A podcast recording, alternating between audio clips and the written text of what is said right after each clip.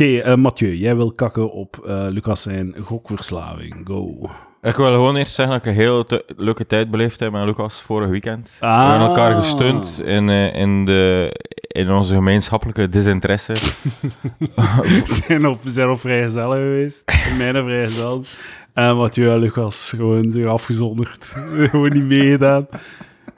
ik heb wel een, een beetje meegedaan. En Het was, Ja, ja. Maar het, het probleem is, ik ben, eh, ik ben... Ik hou niet van de massa. Dat maakt me heel rap gestresseerd en ik wil niet vechten voor mijn plaats. Op ja, ja. Zo'n Maar moment- er was echt zo... het moment dat ik meegedaan heb, was er plaats. Pas toen hij van in het begin tot als jij daar kwam, was er heel veel ruimte. Oké, oké. Stonden we daar super chill. We zijn ehm, in Eindhoven naar het eh, Marginaal Festival totaal los gegaan. En dat is echt zo constant eh, zo Hollandse feestmuziek. Zo naar links, naar rechts. Zo, headliners waren Snolle Bolleke, Frans Ja, Bauer. Frans Bauer die gewoon zo twee liedjes komt doen. Ja, ja, dat zijn optredens van echt- 25 25 minuten en die wisselen elkaar direct af. Ja, zo. En die komen, sommigen komen nog een keer terug. Een soort van rotatiesysteem. ja, ja. We, waren, eh, we zijn gaan karten en dan zijn we in een food market zo, eh, aan een tafel zot veel gefret. Ja. En dan zeiden ze, ah, we gaan naar een festival. En ik was wat kritisch, ik was wat sceptisch toen. Maar eh, we, kwamen, we kwamen naartoe, dan zo een keer naar de mainstage, pintje, eh, wat vleugels. En dan eh, passeerde er een eh, Polonaise. en zijn we met z'n allen meegegaan met de Polonaise, totdat, totdat iedereen vlak voor het podium, zo knal in het midden, op, op vijf meter van het podium stond. En dan hebben we daar gewoon zes, zeven uur gestaan, gewoon... eh, he- heel veel gedronken en Polonaise.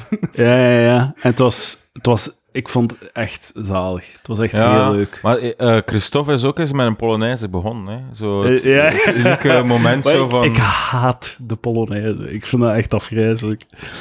Maar het was, het was echt, het was heel cool. Het was, het was ehm, ja, maar ja, als, exact het- als treintje passeert, kan je toch niet anders dan je honnetje draaien. ah, daar is een ik vind koffie. de Polonaise... Dankjewel. Zalig.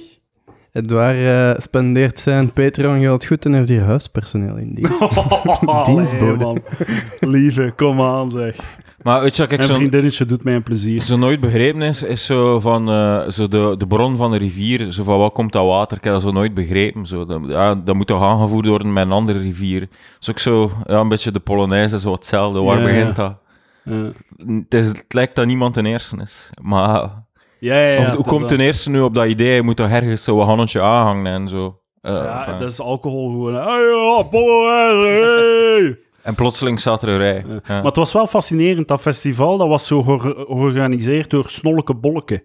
En dat is zo'n dude... Snolle bolleke. Ja, nee, het was niet... Is niet ah, is, oké, Snolle bolleke, ja. En hij, ehm, dat is zo'n dude in een rood kostuum met een gele das.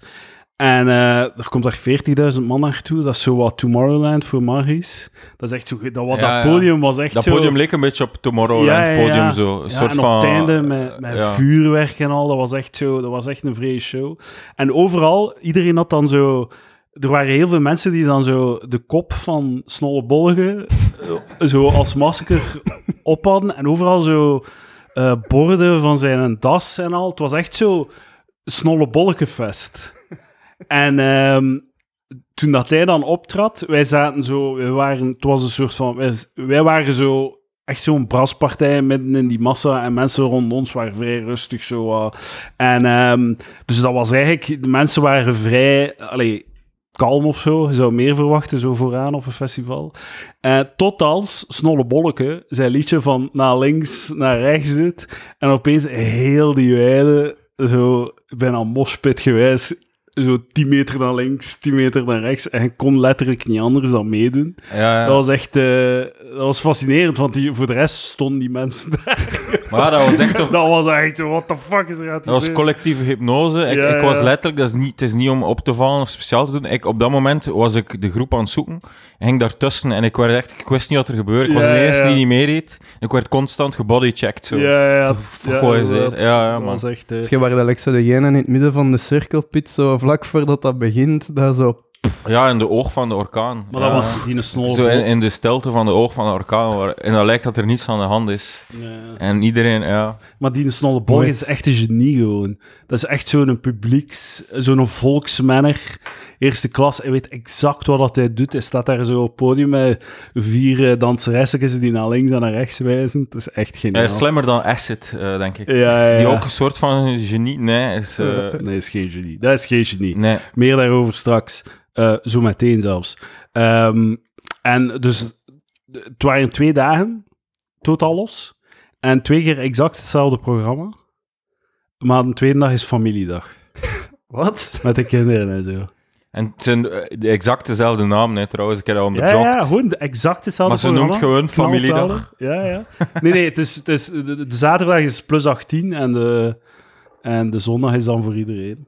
En Ah. welke outfits worden er gedragen als plus 18 is? Is dat zoals Camping Kitsch of is dat... Nee, eh, nee, Nee, dat is zo- nee, geen ja. ironie. Mensen staan niet ironisch te feesten. Mensen staan er gewoon te feesten. Ja, ja. Het was zo... Ja, het was... Gewoon, eh, de, eh, het was ook heel warm. Eh, zo ja, casual kledij. Mm. Heel cool. Ik ben blij met mijn vrijgezellen, Mathieu. Ik, Ik ja, dank u ik, daarvoor. ik gun het eh, van harte gegund. Wie was uw getuige? Lucas. Lucas, mooi. Ja, Maar hij heeft het eh, georganiseerd samen met eh, mijn broer en mijn schoonzus. alright. Ehm, dus voilà. Dus die hebben dat goed geregeld. Maar ik weet dat het heel leuk was, want weet je dat ik dat weet? Ik zit op de Patreon. Ah. Er is een Discord. En eh, iedereen die aan het luisteren is en die denkt van, ga ik zou ook wel de feestfoto's van Edouard willen zien, ik raad aan. Ah, ja, Ah, ja. Maak jezelf Patreon en kom kijken, want het, is, eh, het is heel leuk. Eh, het is echt een community geworden. Ja, ik heb eh, Veel vorig- nieuw volk ook. Ja, en, en aanwinsten ook. Ja. Goeie mensen. Mensen die eh, het, het voetbalkanaal bijvoorbeeld een beetje een ramp aan het worden. Eh, in de zin dat er twee sterke krachten, ik ga het zo omschrijven, tegen elkaar aan het bot waren. Ja, ja. Ja, ja, liefdes voor Club Brugge. En Pollen is voor Gent. ah, Ehm, het is nog altijd boel. In, eh, Ja, ik denk dat het zijn hoogtepunt bereikt heeft. Ja, Maar eh, ik, er is een, een strijdbuil die begraven kan worden onderweg naar Pollen. Dus ik hoop, Pollen, op het moment dat je dit hoort, dat je ze hebt ontvangen. Ehm, maar het is wel een heel leuke community. Ik ben ook iets gaan drinken vorige week met twee eh, andere Patreons. Twee dames, uiteraard. Twee, twee knappe dames. Dus ehm, alle mannen en vrouwen die willen komen. Ja, allen het zijn wel vrouwen bijgekomen ook. Ja, Het is niet... eh allee, het is nog altijd 80% mannen en mannelijke luisteraars. Qua demografie. Maar ja, 20% is niet weinig. Het is niet weinig. Nee, eigenlijk er zijn meer vrouwen Patreon. 5 euro per maand, dames en heren. Het is veranderd. Je bent te laat. De oude predofielen kunnen een abonnement behouden. Maar nieuwe inschrijvingen zijn 5 euro per maand. Vlam. Ehm, we zijn hier samen om te praten over Aceid. Aceid. Hoe praat die? Kun die? Kan iemand die nadoen? Mathieu kan dat, denk ik. Nee, nee, nee. Ik heb nog nooit gelusterd. Ik, heb letterlijk, ik weet wie dat die is, maar ik heb nog nooit echt gelusterd. Of toch niet langer dan 20 seconden. Niet genoeg eh, data om, eh, om een goede imitatie te Dat is maken. zo een raar Vlaams, Ja, eh, ja. Vlaamse jongeren online ding, dat die zo eh eh, Ik ga ze rappers... cancelen, is zoiets. Hè. Ja, ze Ik doen ze zoiets. Ze doen zo een, een soort van eh, mix, zo achterlijke, incestueuze eh Mongooltaal tussen Vlaams en Nederlands. Zo, zo, is dat, zo Antwerpse, nee, nee, Amsterdamse, zo banlieue, eh, zo, Ja. eh, Hollands en Vlaams en zo iets ertussen, zodat ze marketable zijn in Holland. Dus daarom dat ze dat doen. Ja, nee, klopt. Dus zeg zeg je nu dat Acid wel over zijn product nadenkt? Ja. Toch Ja. een beetje, hè? Maar- Maar, ja, dat is niet gezegd dat hij dat bewust heeft gedaan. Hè. Dat, misschien loopt hij gewoon mee met de... Maar het schijnt van wel... Ik, ik heb nu heel veel ACID-filmpjes gezien ter voorbereiding. Eh, en wat ik heb gelezen en gehoord over de man is dat hij het accent bewust doet om ook Nederlands aan te spreken. ik Ah, ben niet overtuigd dat hij dat heeft uitgevonden. Dat is, wordt massaal gedaan. ah, ja. Ik weet niet of dat hij de eerste was. Nee, ja, allicht niet. Ik vind dat belangrijk. ik vind dat Ik belangrijk. dat een belangrijke nuance. Want dat maakt hem een meeloper of een genie. Ja, nee, in zekere Want zin. als je dat uit je gat trekt, als je dat uitvindt als concept, een genie. Maar het zou kunnen dat hem de eerste is, hoor. Ik weet niet, zijn er nog veel? Ik Ja, ken dat eh, eigenlijk eh, niet. de- Doe het al lang. Ja, het zijn er veel die dat doen. Hè. Ja. Zo, ja, ik kan het niet nadoen. Nee, het gaat, ik, ga, ik ga me er niet aan wagen. Het gaat niet lukken. Nee, inderdaad. Nee, maar ik ben eigenlijk blij dat we hier met deze constellatie zitten. Zijn eh, Mathieu en Edouard. eh, want dit is eigenlijk een, een follow-up aflevering. Ehm, op een eerdere aflevering op de Patreon heeft gestaan eh, rond Sandadia. Ehm eigenlijk was dat een beetje... Briljante aflevering. Ja, echt ja, wel. ik heb er langs nog naar geluisterd. Het was heel... Het was een beetje Batman Begins. Eh, Lucas is er niet bij, dus we kunnen die, die referenties naar Christopher Nolan doen. Het is een beetje Batman Begins. Dan is er een, een tweede Patreon eh, geweest, ehm, ook met, eh, met Lucas en Quinten. En dat was wat The Dark Knight Rises. ja. Nee, The Dark Knight. En nu is het The Dark Knight Rises, want we gaan, we gaan dat afwerken nu ehm, in de originele bezetting.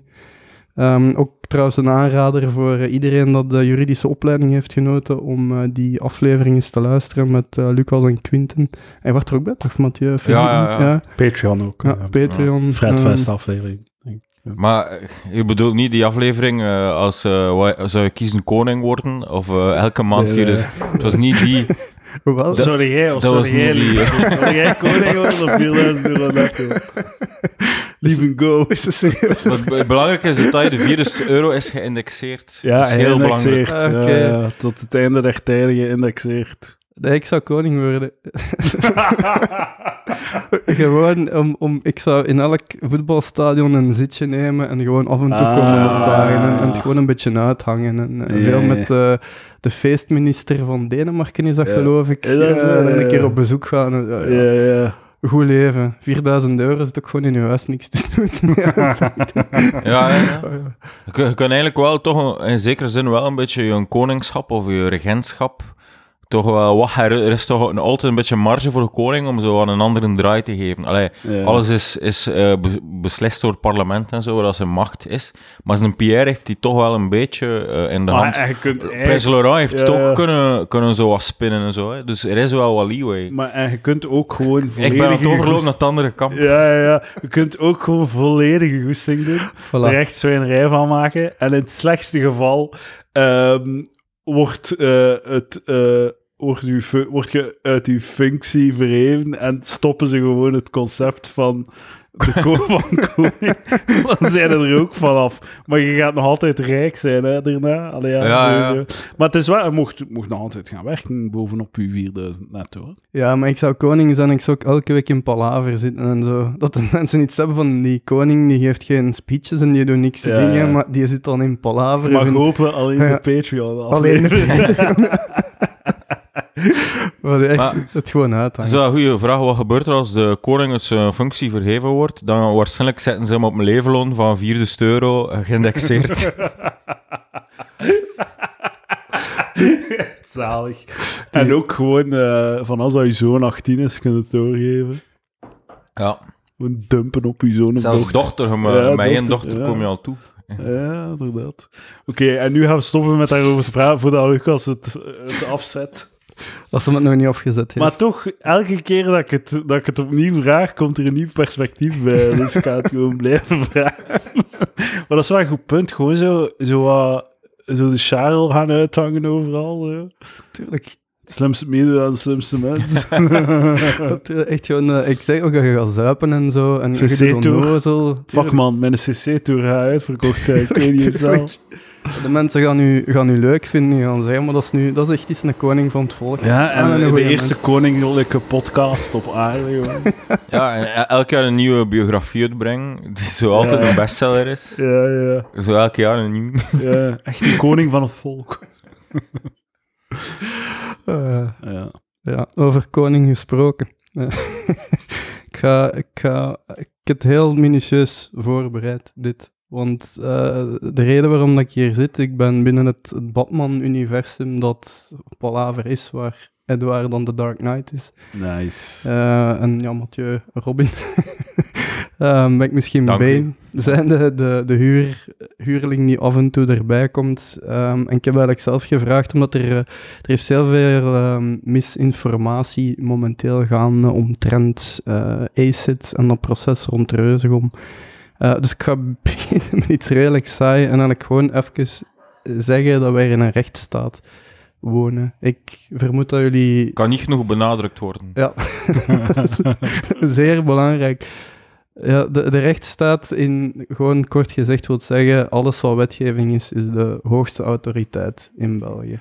Dus alles wat in de wet staat, is de hoogste autoriteit. Niet de rechterlijke macht, niet de wetgevende macht, de wet zelf is de hoogste autoriteit. Een fundament van die rechtsstaat is dan de scheiding der machten. Mhm. Wel bekend, wetgevende macht, uitvoerende macht en dan de rechterlijke macht. Ehm, wetgevende macht weten we allemaal hoe dat je daarin geraakt. Eh, je wordt verkozen en eh, vervolgens zit je in, in het parlement. Ehm, begin je wetten te maken, enzovoort enzoweiter. Uitvoerend word je benoemd en dan rechterlijke macht, daar moet je examens en zo voor doen. Dat is een beetje vergelijkbaar als een geneeskunde-examen. Dat is niet Anneke en Mieke die dat mogen doen. Ehm belangrijke is, die drie machten zijn volledig onafhankelijk van elkaar. Mhm. Heel belangrijk om te onthouden, want wat doet die rechterlijke macht precies? En eh houd dat in het hoofd voor de rest van, eh, van de podcast. Ehm, die interpreteert eigenlijk puur de wetten en beslecht op basis daarvan geschillen. Dus wat een rechterlijke macht niet doet, ehm, is, is zelf vrijheid hebben om wetten te gaan aanpassen. Ze hebben een wet, op basis daarvan moeten ze een vonnis vellen. Ehm, elke macht heeft dan zo ja, hun, eigen, hun eigen verantwoordelijkheden en dingen. Ehm, ze kunnen elkaar niet rechtstreeks beïnvloeden. Ehm, en daardoor ontstaat er dus een beetje het systeem van checks en balances, wat inhoudt dat ze ook elkaar controleren. Heel kort door de bocht, gewoon een beetje context om mee te geven. Die rechterlijke macht, heel belangrijk dat die onafhankelijk is. Ehm, jullie voelen me ook al wel komen waarom ik dat, eh, waarom ik dat zeg. Ehm, dat staat in de grondwet. Dus dat wil zeggen dat die ten allen tijde eh, justice must not only be done, it must also seen to be done. Die moet ten allen tijde puur onafhankelijk zijn. Er kan op geen enkele mogelijke manier inmenging, inmenging zijn vanwege de wetgevende macht, vanwege politiek, vanwege media, wat dan soms de, de vierde macht wordt genoemd in België. Ehm, er is zelfs een Europees Hof voor het rechten van de mens, waar dan een recht op eerlijk proces in staat. Indien dan een rechter niet onafhankelijk is, riskeert België als land een veroordeling door het Europees Hof voor de Rechten van de Mens. En die veroordelingen zijn er ook al geweest eh, in België. Er is een arrest Garib of eh, bijvoorbeeld Bureau geweest. Dat ging altijd over onredelijk lange termijnen dat er bijvoorbeeld zijn in processen, over bevolking eh, in de gevangenis, iemand dat een onredelijke termijn krijgt om een proces voor te bereiden, maar nog nooit over de partijdigheid van een rechter. Ik Mm. herhaal het nog eens, nog nooit over de partijdigheid van een rechter. Ja, ja dat is, dat, dat is, dat is zo'n beetje je stik zo. Hè. Dat, ehm, dat hoor ik je graag en veel zeggen. Graag veel zeggen. Ja. Ja. Want, eh, want eh, advocaat van het wijf, dat is natuurlijk... gaan, ze... ja, maar het feit dat dat nog nooit is gebeurd, bewijst net hoe corrupt het systeem is. het is nog nooit gevangen. Het is nog nooit... Ze hebben nog nooit de moeite gedaan om die partijdigheid in vraag te stellen. Ehm, ja, maar nee, want eh, een van die issues dat me is bijgebleven, is dat toen dat Dries van Langenhoven, ik weet niet voor welk proces dat was, ik ben niet zo goed mee, maar op een gegeven moment werd de rechter gevraagd, gevraagd omdat ze ja, de verdediging van, van Langenhoven had gevonden op een Facebookpagina dat die rechter zo'n anti-Dries van Langenhoven post geliked had. Ja. En die rechter is gewoon terecht gevraagd. En dan dacht ik, "Ah," zo echt zo, ik was echt aan het klaarkomen. Ja, ja, ja, ah, het is dat is competent. Het ook veel competent. Ja, nee, justice, Kijk, voilà, ja. kijk. Justice. Ja, it must not only Maar ze be hebben, hem, eh, ze hebben hem vervangen dan of zo? of? Ja, het was een vrouwelijke rechter, ja. Nice. Belangrijk. Het zijn veel vrouwelijke rechters. Eh, hoe is de, eh, de geslachtsverdeling bij rechtsstudenten? Eh, dat gaat nu, denk ik, twee derde vrouwen zijn, ongeveer een derde mannen. En eh, stromen die door naar rechters of interesseert hun dat Ja, niet? Nee, nee, die wel. willen allemaal mensenrechten doen, hè. of eco-recht of Ja. zoiets. Die, die, praktisch gezien, die zitten eigenlijk in alle rechtbanken, mannen, Ja, ja. vrouwen. En ehm, ik heb ook al gezegd, dat is ook een van mijn stiks, eh, rechterlijke macht in België is top, is, wereld, Mm. is wereldniveau, Of beste vinden ter van, eh, wereld. de- die vrouwen hebben ook femicide uitge, uitgevonden. Wat vinden daarvan? Wat femicide? Wat definieer je als femicide? Ah, maar is dat is toch een rechterlijke categorie? Dat, je hebt moord en dan heb je moord van een vrouw en dat is femicide. Ja, ja. Dus een soort, dat toegevoegd in, het- het eh, idee, ik weet niet als dat, als dat al toegevoegd is, want men zegt dan eigenlijk Ja, de toch? facto niet. Eh, dat weet ik niet, maar het idee, het, idee erachter is dat er dat er een soort van hate crime is. Ja. Dus als iemand vermoordt omwege van financieel geschil, oké. Maar als iemand vermoordt omwege van financieel geschil en ook omdat dat je het eh, een vuile Marokkaan vindt, Ja. dan wordt in principe extra bestraft omdat het Ja. da- daarbovenop nog een hate crime is. Dus als je iemand vermoordt gewoon omdat het een vrouw is, dan krijg je extra straf. Maar dan kun je toch ook iemand vermoorden gewoon omdat het een man is. Allee. Ja, nee, de man is de, is de default en al de rest is eh, discrimi- eh, dis- de witte man is de default en al de rest kan vormen heel, eh, vallen onder één of andere Er is, discriminatieprincipe. er is wel een schappelijke verdediging voor het concept, want ik las, ik las dat ze dat deden gewoon om eh, cijfers te kunnen bijhouden. Om, Ah. eh, als je het registreert als femicide, kunnen dan zwart op wit zeggen, ah, vrouwen worden meer vermoord of minder vermoord of dit of dat. Ik denk dat mannen meer vermoord worden, maar goed. Ja, Ja. maar worden mannen meer vermoord enkel en alleen omdat ze man zijn? Nee, omdat ze, eh, omdat ze scheef hebben gekeken om drie uur s'nachts in de overpoort. Daarom worden die vermoord. Eh, ja, eh, ik moet er misschien even tussen Of springen. omdat ze gay zijn. De, de jurist in mij kan het, moet, kan het even niet meer aan. Ehm, nee, dus dat klopt. Maar het ding is, waarom ga je strenger beoordeeld worden, is effectief. Want joh, je zegt, je hebt eigenlijk je, hebt je, je eerste misdrijf, moord, maar je hebt eigenlijk een tweede misdrijf gepleegd ook. En dat is het misdrijf van seksisme. Wat bestaat als je een vrouw Eh. vermoordt omdat ze vrouw is. Dus je hebt eigenlijk twee misdrijven gepleegd. Als jij iemand vermoordt, man, vrouw, het, het maakt u niet zoveel uit. Niet voor mij, je vermoordt Ja. die. Dan heb je enkel het misdrijf moord. En dan is er voor mij ook geen sprake van femicide, maar... Maar het was ook Ja. niet, het was niet in de context van hate crime. Het was gewoon vrouw vermoorden is femicide. Ja, ja, ik weet... niet omdat Dat ze is het, inderdaad dat is het flauwe afkooksel ervan. Ja, ja. Dat werd er inderdaad van gemaakt. Ja. Eh, dat is waar. In de media. Zodat eh, ze ervan maakten. Dus, ja. Zij- maar eh, lieve, je, je kent dat niet femicide. Je zou beter uw, eh uw rechtnieuwsbrief eh, beter lezen. Ah, ja, inderdaad. Ah, ja, ja, in alle eerlijkheid, dat zijn van die zaken, daar ga ik me niet zoveel mee, mee bezig, tenzij dat de vraag wordt gesteld of zo. Het hele man-vrouw debat. Eh, ehm, ja, ik weet dat dat hier misschien wel meer een, een ding Ze is. zijn seksisten. Nee, ik dat is ik heb nog waar. een take. Ik ken een take. Seksisme is geil. dat is een geile activiteit. Allee, weer een aflevering dat ik niet kan delen op het werk. Jij hebt niets gezegd, hè? Lieve, kom aan, zeg. We zullen het houden voor de Patreon. nee, nee, laat u gaan, laat u gaan. Ja, moet, dat is... eh dat is eh, zijn niet mee? Mathieu, zijn niet mee? Dat seksisme geil is. Eh, dat moet je even toelichten. Ehm, we zijn naar Mad Men aan het kijken, Roos en ik. Dat is nice gewoon. dat is gewoon nice. En Mad Men is een seksistische zot of zo. Nee, nee, Mad Men is een serie met zo ad agencies in de jaren West, 60 of zo. Hm? 50, 60? F- 50, denk ik. En ehm, het is mega seksistisch. Echt extreem seksistisch. En dat, ja, dat is, dat, dat, dat is goed. Maar tot, eh, van waar komt de geilheid dan of zo? Als je dat Soort ziet, van, als je eh, seksisme ziet gebeuren, word je opgewonden. soort van... Worden eh, zowel man en vrouw opgewonden. Ja, ja een soort van herleiding naar de meest basale scheeftrekking en objectivering van Dus elkaar. zo, als jullie samen kijken naar, naar een film en dan eh, een of andere CEO eh nijpt eh, een, een secretaresse in haar poep of zo, dan worden jullie al, alle- allebei seksueel opgewonden. ja, van zoiets. seksisme te zien gebeuren.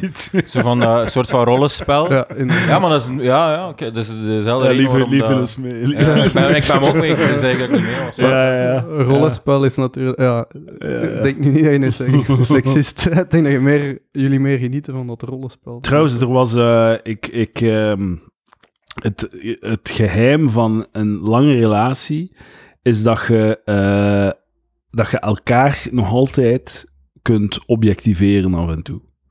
Want in het begin, zo seksuele aantrekking, de one-night stand, de eerste stappen, geobjectiveerd elkaar. Dat leidt tot eh, seks. Want seks is elkaar voor een deel objectiveren. En hoe langer dat relatie gaat, hoe meer dat die objectivering wordt vervangen door emotionele connectie en liefde. Maar als dat te ver doordraait, dan kom je in een eh, situatie terecht waarin dat je gewoon best buddies bent. En dat de, de seksuele vlam verdwijnt. En dan krijg je een dead bedroom. En dus wat je moet doen, je moet zorgen dat je elkaar nog altijd kunt objectiveren wanneer het past. Dat is het geheim voor een goed huwelijk. Hoe doe je dat? Waar heb je dat gelezen? Zo, het lijkt alsof dat je een soort van narratief, zo met de juiste termen, zo dead bedroom.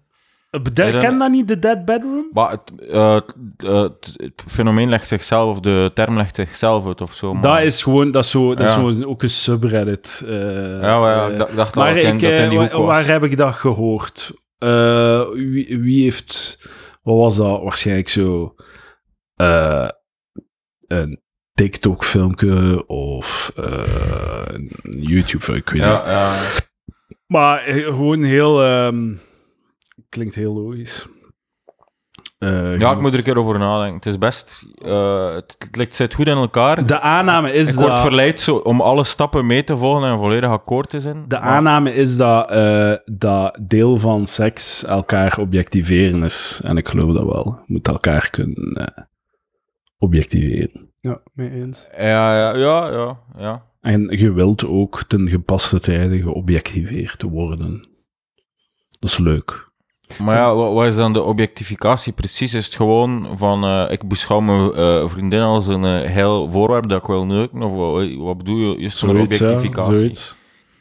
Maar ja, is, het dan nog, is er dan nog iets extra interessant aan de these, behalve het feit dat je zegt, ja, je moet nog altijd in een relatie eh, je, je vrouw eh, aantrekkelijk en heel vinden en er zo eh, hele fantasieën over in? Ja, natuurlijk, het is evident, maar... Maar het is- het lijkt dat, dat, je, andere- dat je met de term objectivering, wat voeg je eigenlijk toe aan dat heel triviale idee dat ik nu aan het zeggen ben? Omdat het een, het is een andere... Ja, mooi gezegd, Mathieu. Bent trots op je.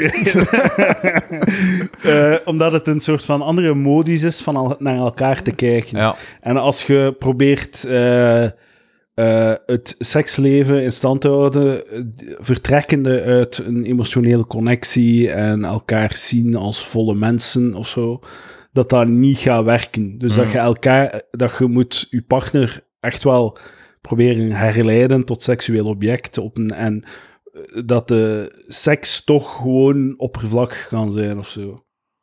Ja maar niet- wat, wat is objectificatie dan nog meer? Is het enkel, eh, je moet je partner geil vinden? Wat is dan eh, de toegevoegde waarde van de objectificatie? Wat bedoel je daar dan eigenlijk meer mee?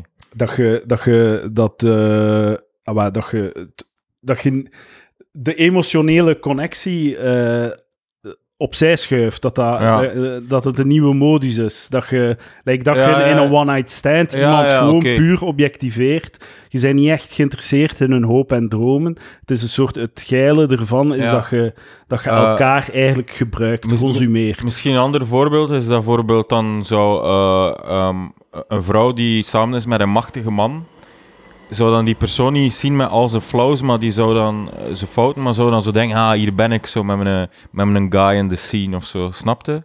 Ja. En die gaat dan die man ook herleiden, niet tot de, de man dat ze kent eh, van thuis, maar als, ja, dat is de, dat is de guy, dat is hier de guy, of ja, zo. ja, ja, Eh, zo zou in omgekeerde richting, zo zou Oh de vrouw kunnen erotiseren. Ja, ja, ja. Dus, Dus dat is dan, ja, objectificatie van je... Dus de status in het gezin is een soort van gelijkwaardige gezin, eh, ge- gelijkwaardige staat of zo. ja. Maar eh, buiten in de maatschappij eh, heeft de mensen een status ook. Ja. En dat is een objectief eh, gegeven. En niet een subjectief gegeven van hoe dat jij met die persoon in interactie treedt. Want er is geenzelfde machtsrelatie. Dus dat, is, dat kan een deel zijn van de objectificatie. Dus de status in de buitenwereld, de seksappeal, eh, eh, volgens hoe dat een eh, derde persoon die zou bekijken. ja. Ja, Een soort van oppervlakkige, basale, instinctieve... Ja, nee, dat je, je, je, je, je geest verlaat de eerste persoon. Dus eh, Lucas, goede Ah, ja. conceptuele analyse. Dus je geest verlaat de eerste persoon en wordt terug die derde persoon. Ja, ja, ja, zie je wel. hè. Maar wordt het is, van, eh, zie ze hier lopen eh, en ik kan dat geheel hier neuken. ja, zie ze ja. lopen en dat hier hier en ik kan het neuken. Ja. Maar ja, Mathieu, ik ben ook helemaal opgewonden aan het geraken van u. Oké, ace it, ace it, Woordkunstenaar, ace it. amai. Nee, nee, nee, maar... eh, ja, recht, nee, nee, maar... eh, ja, Mathieu. eh, Dank u. Nee, nee, maar wees niet, wees niet afgeleid. Ja, ja, ik ga me moeten inhouden nu om mijn aandacht erbij. Dat je gelukkig hier een, een blaadje. Ja. Eh, Als je wilt, mogen gaan aftrekken. inderdaad. ja, misschien even. Nee. Ehm, nee, inderdaad, wat, wat jullie daarnet gezegd van eh, het is misschien nog nooit ter sprake gekomen dat een rechterlijke macht eh, hoegenaamd niet onafhankelijk is, maar dat is wel al geweest in het befaamde spaghetti-arrest. Hmm, Dat is iets wat in had gezet. Eh, jullie zijn er misschien bekend mee, niet Nee. bekend. ik ken het niet. Eh, ja, ik ken het. Eh, moet ik het zeggen? Dat is, Ja. dat is gewoon onderzoeks, uh, wat is het, onderzoeksrechter, magistraat uh, voor Wilgen, die aanwezig was op een uh, benefiet uh, om geld in te zamelen om uh, Anne en Eefje terug te vinden. Uh, het was zoiets, ja. Ja. Ah. En daar, eh, die is gevraagd geweest uiteindelijk. En ehm, dat was toen, op dat moment, was er ook veel rond te doen. Men vond dat eigenlijk absurd, dat men die onderzoeksrechter daarvan af wou halen. Maar vandaar komt het adagium, justice must not only be done, it must also seem to be done. Mocht echt geen enkele schijn van partijdigheid Ja, hebben. Ja, en dan is het, Ja. en dat is weer zo ja, typisch dat volk ja. niet mee is, hè, die de rechtsprincipes verward met morele principes. Ja, Ja. Het, is geen, het gaat niet over de intentie van de rechter. Het, het, eh, Ja. de, er mag geen twijfel mogelijk zijn. Er mocht geen argumenten aan de tegenpartij geven. Dat, Voilà. eh, En rechter zijt je ook altijd. Dat is een beetje het, het jammer. hè. Dus gij, stel, stel dat ik rechter zou zijn en men ziet me in, in Mm. de Club Brugge-tribune zwaai met mijn sjaal en dan een weinig later ben ik strafrechter bij tien Club Brugge-supporters die veroordeeld worden. Een goed openbaar ministerie gaan voor meteen eh, verrekenen. racisme en hooliganisme en Ja, zo ja. typisch Ja. Brugge Brugge behavior Ja, inderdaad. ehm, ja. Ik, ga, ik ga niet te dienen op ingaan, maar ja. en pedofilie ook. Ja. Zo, ik- er zijn ook veel- Femicide in de... Je weet toch dat de broeders van liefde en vak C3 zaten en eh, Jan Breidel. Ja, de, aan de andere kant van de weegschaal staat dan wel dat ze echt veel van voetbal kennen. Dus het is een beetje zo dat elkaar in evenwicht houdt. ja. Ehm nou ja, dus rechter zet je dan al een tijd. En dat is iets wat in het proces van Reuzegem ook is gebeurd. Dus ehm, eerst was eh, in de, de rechtbank in Antwerpen aangesteld. Het Openbaar Ministerie heeft vastgesteld dat een van de moeders van de Reuzegommers in datzelfde arrondissement was. Dus die zaak is dan ontrokken geweest, is naar Hasselt gegaan. Eh, en dan uiteindelijk ja, is er daar ook een en ander misgelopen en is dan eh, de zaak bij het Hof van Beroep van Antwerpen gekomen. Eh, lang verhaal kort. Ehm, ik heb ook gewoon korte herinnering dat proces van Reuzegom nog een keer samengevat, omdat het ook niet onbelangrijk is eh, om goed te snappen wat ACID eh daar allemaal aan het doen is. Ehm, dus eh, de Reuzegommers eh, stonden eigenlijk voor voor vijf verschillende feiten.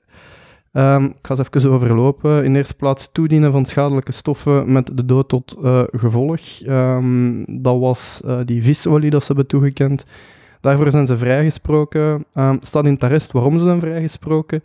Ehm zij wisten oprecht niet ehm, dat iemand kon sterven, blijkbaar van eh, het toekennen van die visolie. En dat is de jaren voordien blijkbaar ook heel vaak gebeurd. Dus binnen Reuzegom was dan schijnt een, een middel, ja, het zit veel zout in natuurlijk, als je daar veel van drinkt, dat je moet overgeven. En het doel van een, het toedienen van, ehm, van die visolie was ook om de schachten te laten kotsen als ze dan van alles binnen hadden. Eh, Daarom vrijspraak op dat punt. Eh, dan het schuldig verzuim.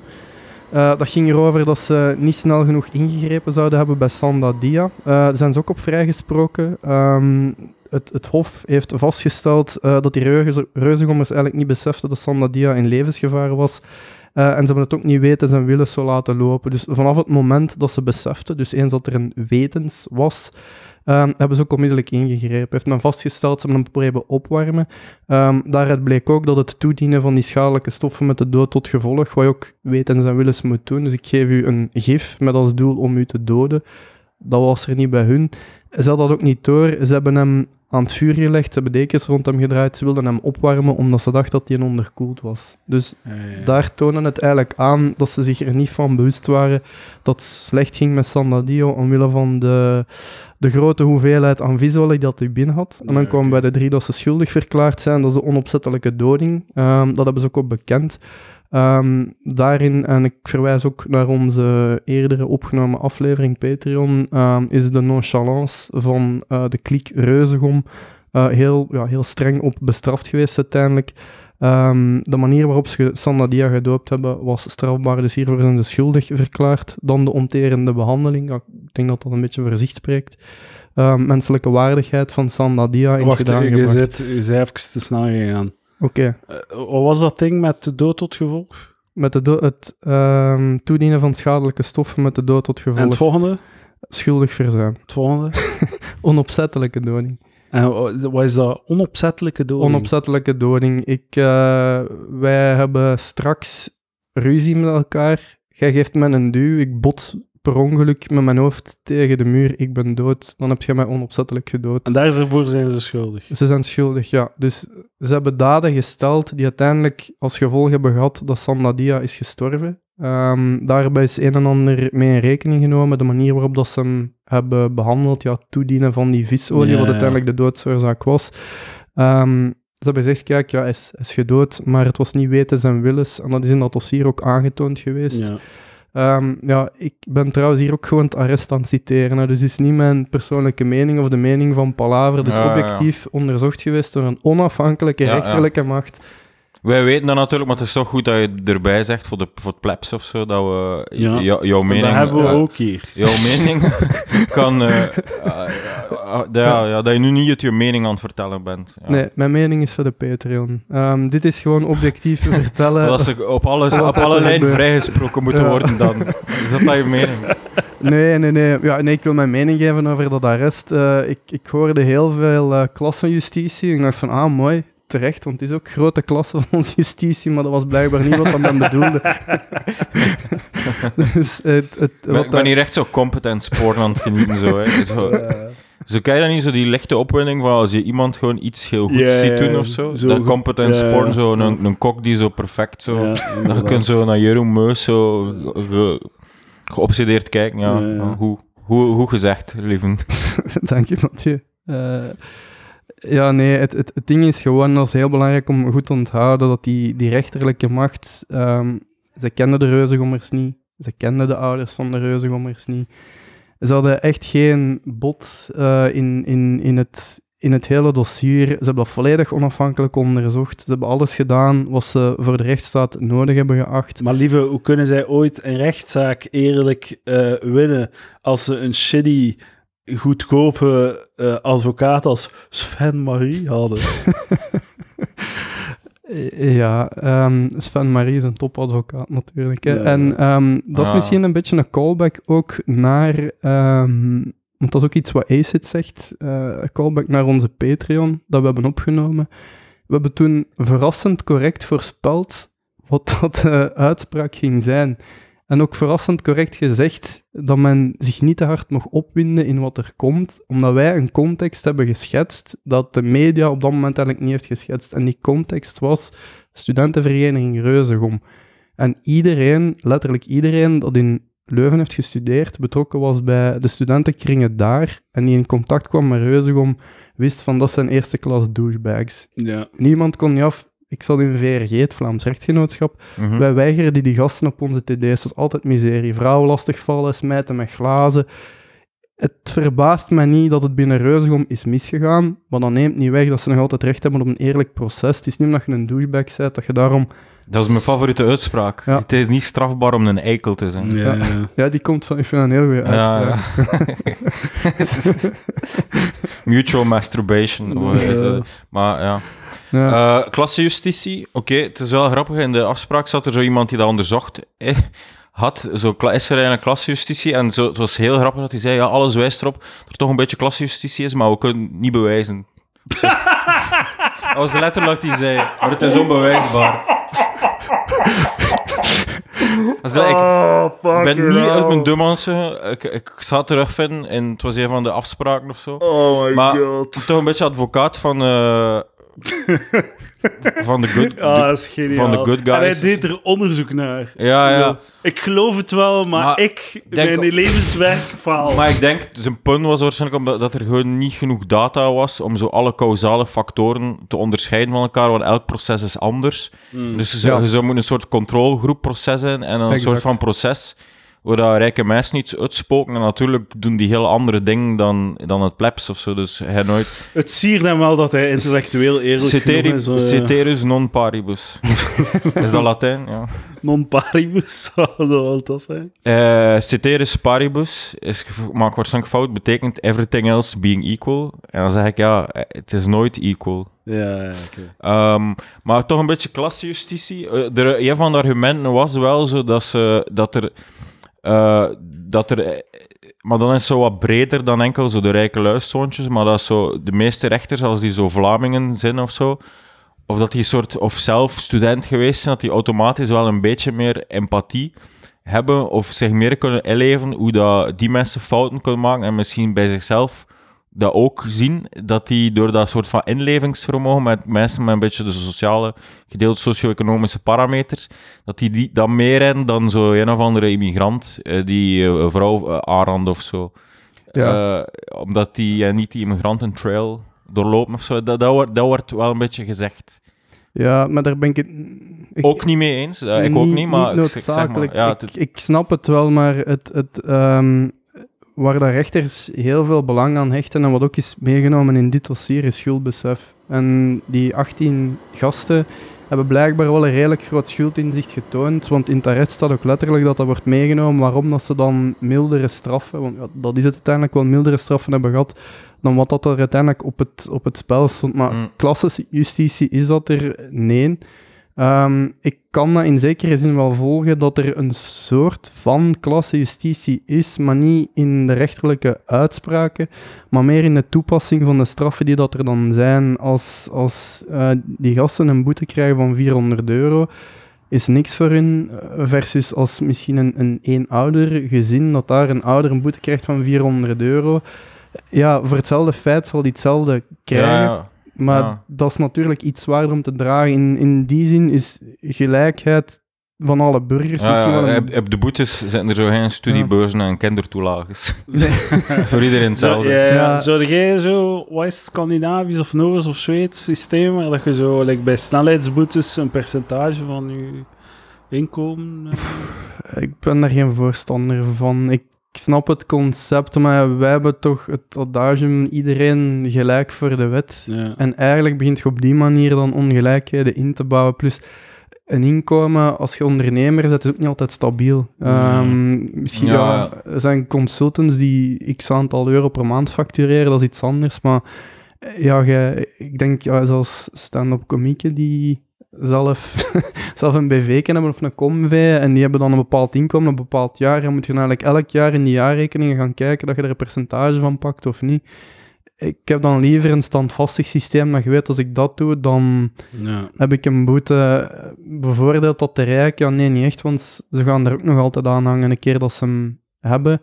Eh, omgekeerd, ik denk als je zo'n systeem installeert, we zijn nog altijd eh, België, het mekka van de fiscale constructies.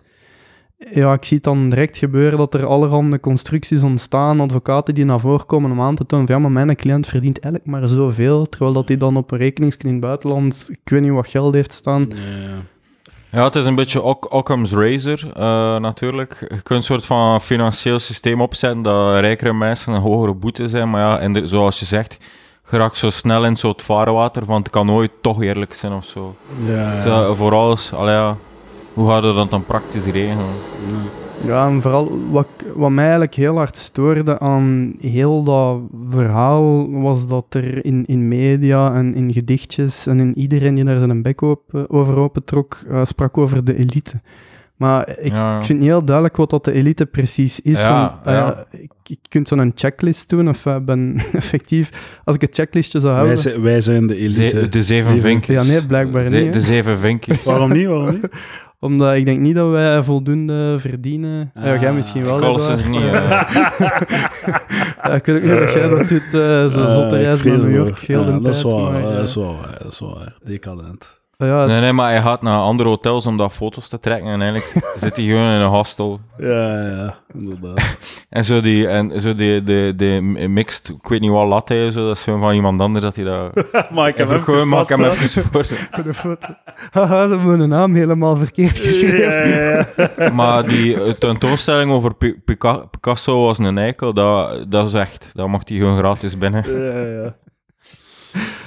Ja, maar ik denk, elite, denk, eh, daar ben ik vorige week ook iets gaan drinken met iemand, en met twee mensen uit de elite. Wacht even voordat je het zegt. Die, Ja. Het was vrije bijdrage. Ik heb 1 dollar per persoon gedaan.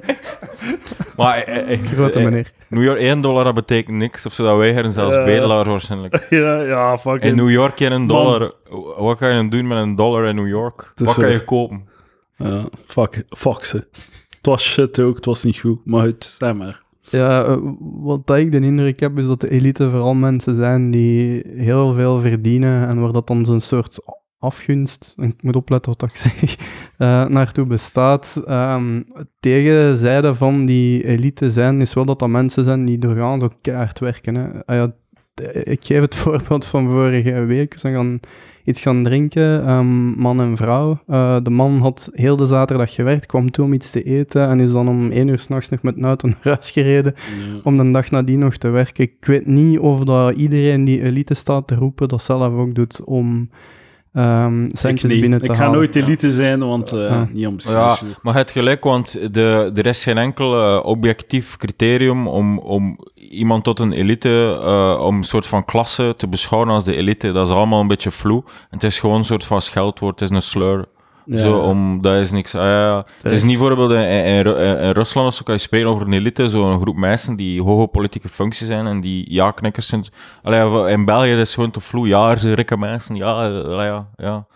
Heb jij toevallig zo'n amulet, Mathieu, met zo'n half dienstje dat we dan een keer samen kunnen voegen? Want ik ben helemaal verliefd aan het worden op u. Ik ben het helemaal met u eens. Ik vind Ja, het ja, ja. ja. eh, De, Ik had op ja, de standaard zo'n eh grafiekje gevonden. We gaan dat doen.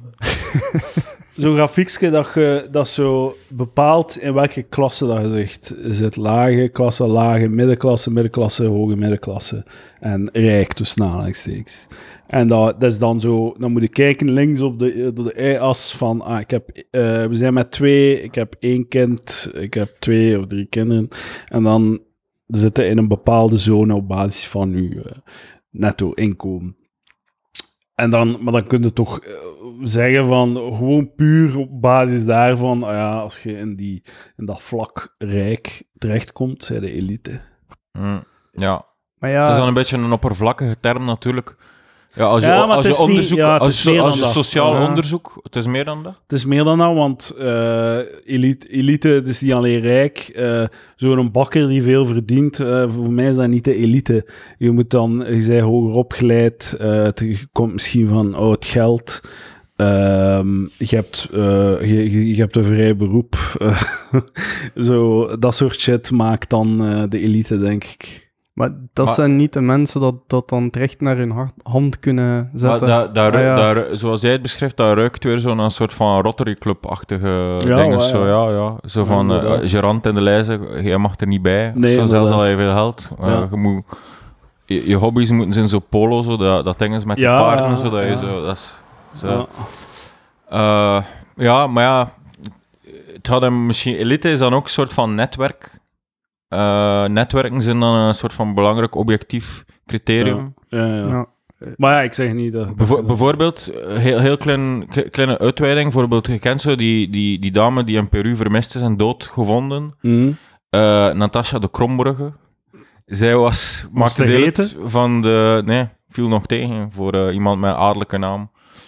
Ehm, want, nee, nee, dus, dus voor, zij, haar ouders waren eigenlijk een beetje bij de elite, want die kon zo, toen dat, dat gebeurde, dat hij vermist was, ik kon die zo in die het direct, die dan stond in direct contact met Will Miss in die tijd, die toen premier was, want die kennen elkaar zo. Dat is een beetje Ja, dan ja. voorbeeld van elite.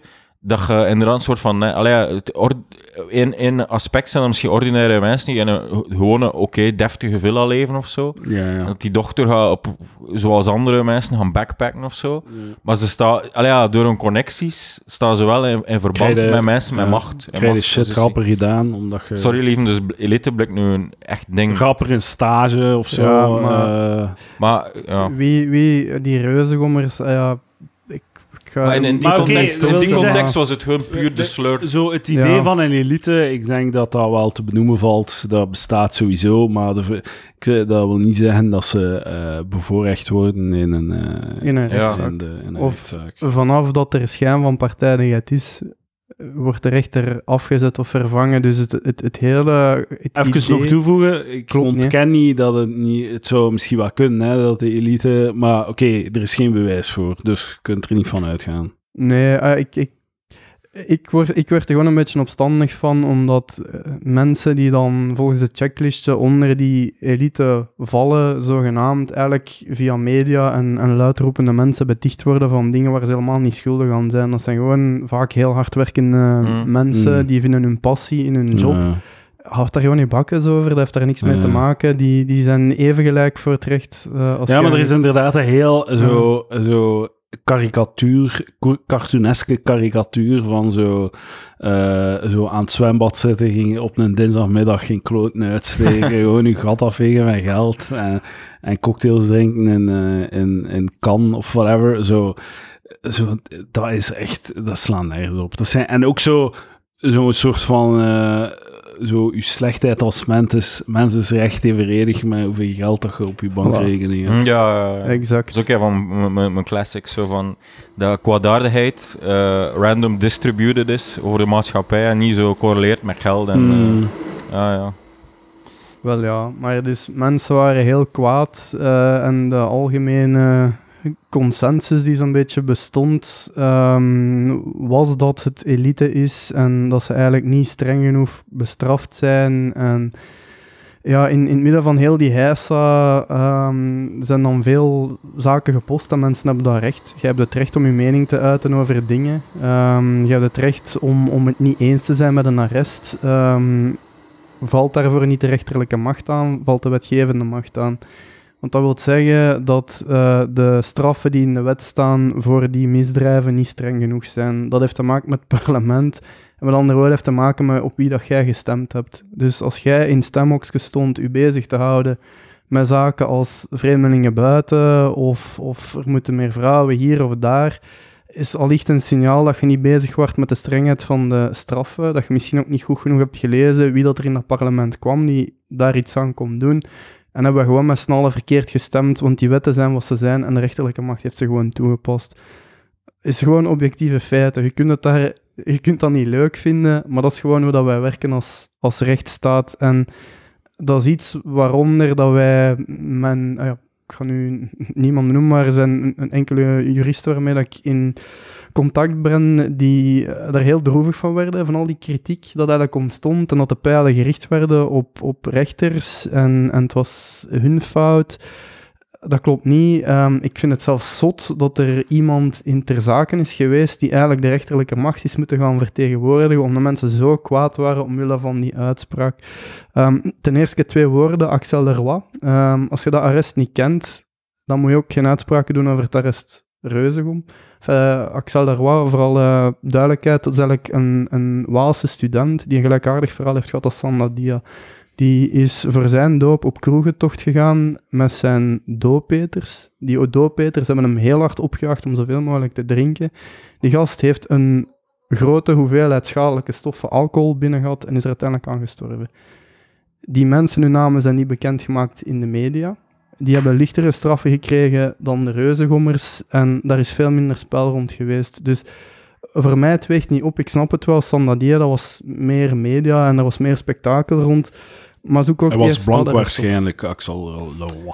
Ja, was een blanke Waalse jongeman, dus Ja. allicht minder interessant voor Middenklasse. Vlaam middenklasse. En Zo heel juicy belangrijk, niet, Axel van om de hoek. Dat is zo juicy niet, hè? Nee, nee, nee. Met zijn nee. maten op café. Ja, Zeker de dooppeters die ook gewoon middenklasse waren, gelijk ons allemaal, die dan een gelijkaardige straf krijgen als de reuzengommers. Goh ja, ik vraag me af eh, hoe objectief dat de rechterlijke macht daarin was. Ik zeg het een beetje cynisch, maar om maar te zeggen van waar dat die kwaadheid dan een beetje kwam, ehm, dat is bij ons dan gebleven, tot als een echt luister die Patreon van Palaver, waarover dat arrest besproken wordt, want je gaat je veel beter voelen, daar wordt wel iets meer nuance in gebracht. Maar te midden van die storm van kritiek ehm, was er dan uiteindelijk YouTuber Acid. En eh Acid dacht bij zichzelf van kijk, iedereen is kwaad, ik ben ook kwaad, Ehm, de media zijn pussies, heeft hij letterlijk gezegd in zijn eh, filmpje, want zij zeggen niet letterlijk de namen van de reuzengommers. Ehm, ik ga dat doen. Ik ga een filmpje opnemen en daarin ga ik mijn vijf favoriete reuzengommers opsommen. Ehm, hij benoemt er dan vier. Heel raar. Eh, zalig. En ehm, dat is een filmpje dat duurt 11 minuten. Dat is inmiddels opnieuw opgeladen. En nu is dat filmpje nog 9 minuten lang. Ehm, ik zeg straks waarom dat Ja, nog hij 9 heeft er minuten een en lang is. uitgehaald van de vijf waarschijnlijk. Hij heeft er iets anders uitgehaald. Wat dat, ehm, ik denk ook niet dat hij het zelf heeft opgeladen. Dat weet ik niet hoe Nou, waarschijnlijk gedaan niet. heeft. het zou wel het Ja. te- het team eh, rechters... Nee, nee, sorry, team advocaten zijn... eh, Walter van Steenbrugge, die, die ja, wil, wil niet vooruitlopen. Ja, De- Walter van Steenberg, maar dus die heeft dat filmpje opgeladen en ehm Openbaar Ministerie heeft dat gezien en heeft eigenlijk aanvankelijk gezegd, kijk, we gaan dat laten, we gaan er geen onderzoek naar doen, ehm, tenzij dat er dan een, een zaak wordt ingesteld. Eh, die zaak die is nu ingesteld geweest, eh, waarover dat wij het debat gaan openen ehm, direct. Ehm, dat is een beetje een typische zaak, omdat dat een rechtstreekse dagvaarding is geweest voor de correctionele rechtbank. Dus normaal gezien bij strafrechtelijke feiten stelt het Openbaar Ministerie, dus die de, de, de burgers vertegenwoordigt, een, eh, een dagvaarding in. Hier is dat de burgerlijke partij geweest die dat rechtstreeks heeft gedaan voor de correctionele rechtbank. Waarom voor de correctionele rechtbank en niet een, een burgerlijke rechtbank zoals ehm, meester Walter eh, zegt? Ehm, op die manier dwingt men eigenlijk ook het Openbaar Ministerie om uitspraak te doen ehm, over de strafrechtelijke toedracht van die feiten. Een niet-strafrechter kan dat niet doen. Waarom hebben ze dat gedaan? Ja, dat is inderdaad volgens mij wel een beetje uit kwaadheid naar ACID toe. ehm, een, beetje zich wreken. Nu, dat komt een beetje fout in de media, vind ik, die dagvaarding. Het gaat een beetje alsof het Reuzegom versus ACID is. Ehm, het is één ex-Reuzegommer die de dagvaarding heeft ingesteld samen met zijn ouders. Dus het is niet dat heel Reuzegom daar rond zit. Het is één persoon, één familie eigenlijk die ACID aanklaagt. Is dat die familie van dat restaurant dat hij Ja. heeft genuked? Correct, Ja. Zo gestoord, man. Hij, wa- hij- dus ze hebben, om het te herhalen, dus hij heeft de naam genoemd van een reuzegommer die niet op dat weekend was bij Sandadia. En dan heeft hij mensen gestuurd naar het restaurant van die mens, zijn ouders, om, dat zo te, om die te reviewbommen en zo valse reserva- reservaties te maken en al. Zo van zo de ouders van iemand die er niet eens bij was. En snap ik dat je pist, dat je fucking pist bent, man. We moeten chronologisch door de feiten gaan. Het waren dus, er is een onderzoek geweest. Die persoon, ik hem niet doxen, uiteraard niet. Die persoon zat effectief in die WhatsApp-groep, maar was een ex-reuzegommer. Heeft een heel beperkt aandeel gehad. Dat is onderzocht geweest door het Openbaar Ministerie. Die hebben gezegd, die gaan we niet vervolgen. Ja. Geen schuld. Ja. Dus op het moment dat de rechterlijke macht zegt geen schuld, zouden wij als burger moeten zeggen, ah ja, oké, dat is onderzocht geweest, we gaan het laten. Ace het niet. Ehm, ik heb hier alles genoteerd, want ik heb zijn filmpje herbekeken en ik had eigenlijk ook toen dat filmpje direct online kwam nota genomen van wat dat hij gezegd had. Ehm, denkende van, ik ga Edouard eens een berichtje sturen. Ja, Nice. Zo Elliot toch, Edouard, zo Elliot. Ja, ja. Dus ehm, Content hunters, eigenlijk. Voilà. Het is eh, een ex-reuzegommer en zijn ouders die het instellen. Ehm, wat heeft Acid precies gezegd over die persoon? Ehm, hij zegt dat die persoon niet betrokken was bij de doop, maar dat hij wel heel veel te maken had met de hele sfeer die, ehm, rond die doop hing. Hij zou, en dat is de eerste beschuldiging van Acid aan die persoon, hij zou dierenmishandeling toegevoegd hebben aan de dopen bij, eh, bij bij Reuzegom. Dus dat wil zeggen, de, het biggetje dat destijds werd afgeschoten, de konijntjes die vermoord werden door Reuzegom, is volgens ACID het idee van die persoon. Ehm, ik heb Google, ik heb dat eens nagegaan en dat klopt niet. Ehm, de moord op die biggetjes is gebeurd in 2009, die konijntjes in 2013. Die betrokken persoon die ACID hier viseert, ehm, studeerde op dat moment nog niet aan de universiteit in Leuven. Ja, studeren nog aan de lagere school. Ja. Al, al, al- algemeen lagere school. Het, het, het grappige aan het hele verhaal is, hij toont ook een foto van die reuzegommer. En die reuzegommer heeft op dat moment een lintje aan en daarop staat academiejaar 2016-2017. Mm. Ja, ja, Dat is zeer pijnlijk, vind ik. ja, voor ja, zit dat je niet verder hebt gedacht dan dat. Ja, ja. Dus het zou zogezegd zijn idee geweest zijn, maar dat klopt helemaal niet. Ehm, hij noemt die man vervolgens ook een vet zwijn dat gespiest moet worden. En iets verder in het filmpje zegt hij ook dat hij de tanden uit de mond van eh, die man zou willen slaan. Ehm, Is dat aanzetten tot wel? daar Maar- komen we nog op. Het, zal- het, gaat- eh, het, gaat, het gaat zo zalig zijn als hij zo'n hogere boete en een langere werkstraf krijgt dan de Aaste van Reuzegom. Dat gaat toch zo zalig. Dat gaat zo zalig. Oh man. Ik, ik lik mijn vingers nu al. Hij zegt ook over eh, die persoon dat hij dan een vet zwijn noemt, dat die zogezegd een, een grote pief zou worden in het Europees Parlement. En hij doelt daarmee op de beroepswerkzaamheid dat hij heeft. Eh, en als die in het Europees Parlement zit, dat die betaald zal worden met ons belastingsgeld. Wat ik er toch even tussen smijt, dat vond ik redelijk grappig. Zalig de ons belastinggeld fallacy. Ja, ja, ja.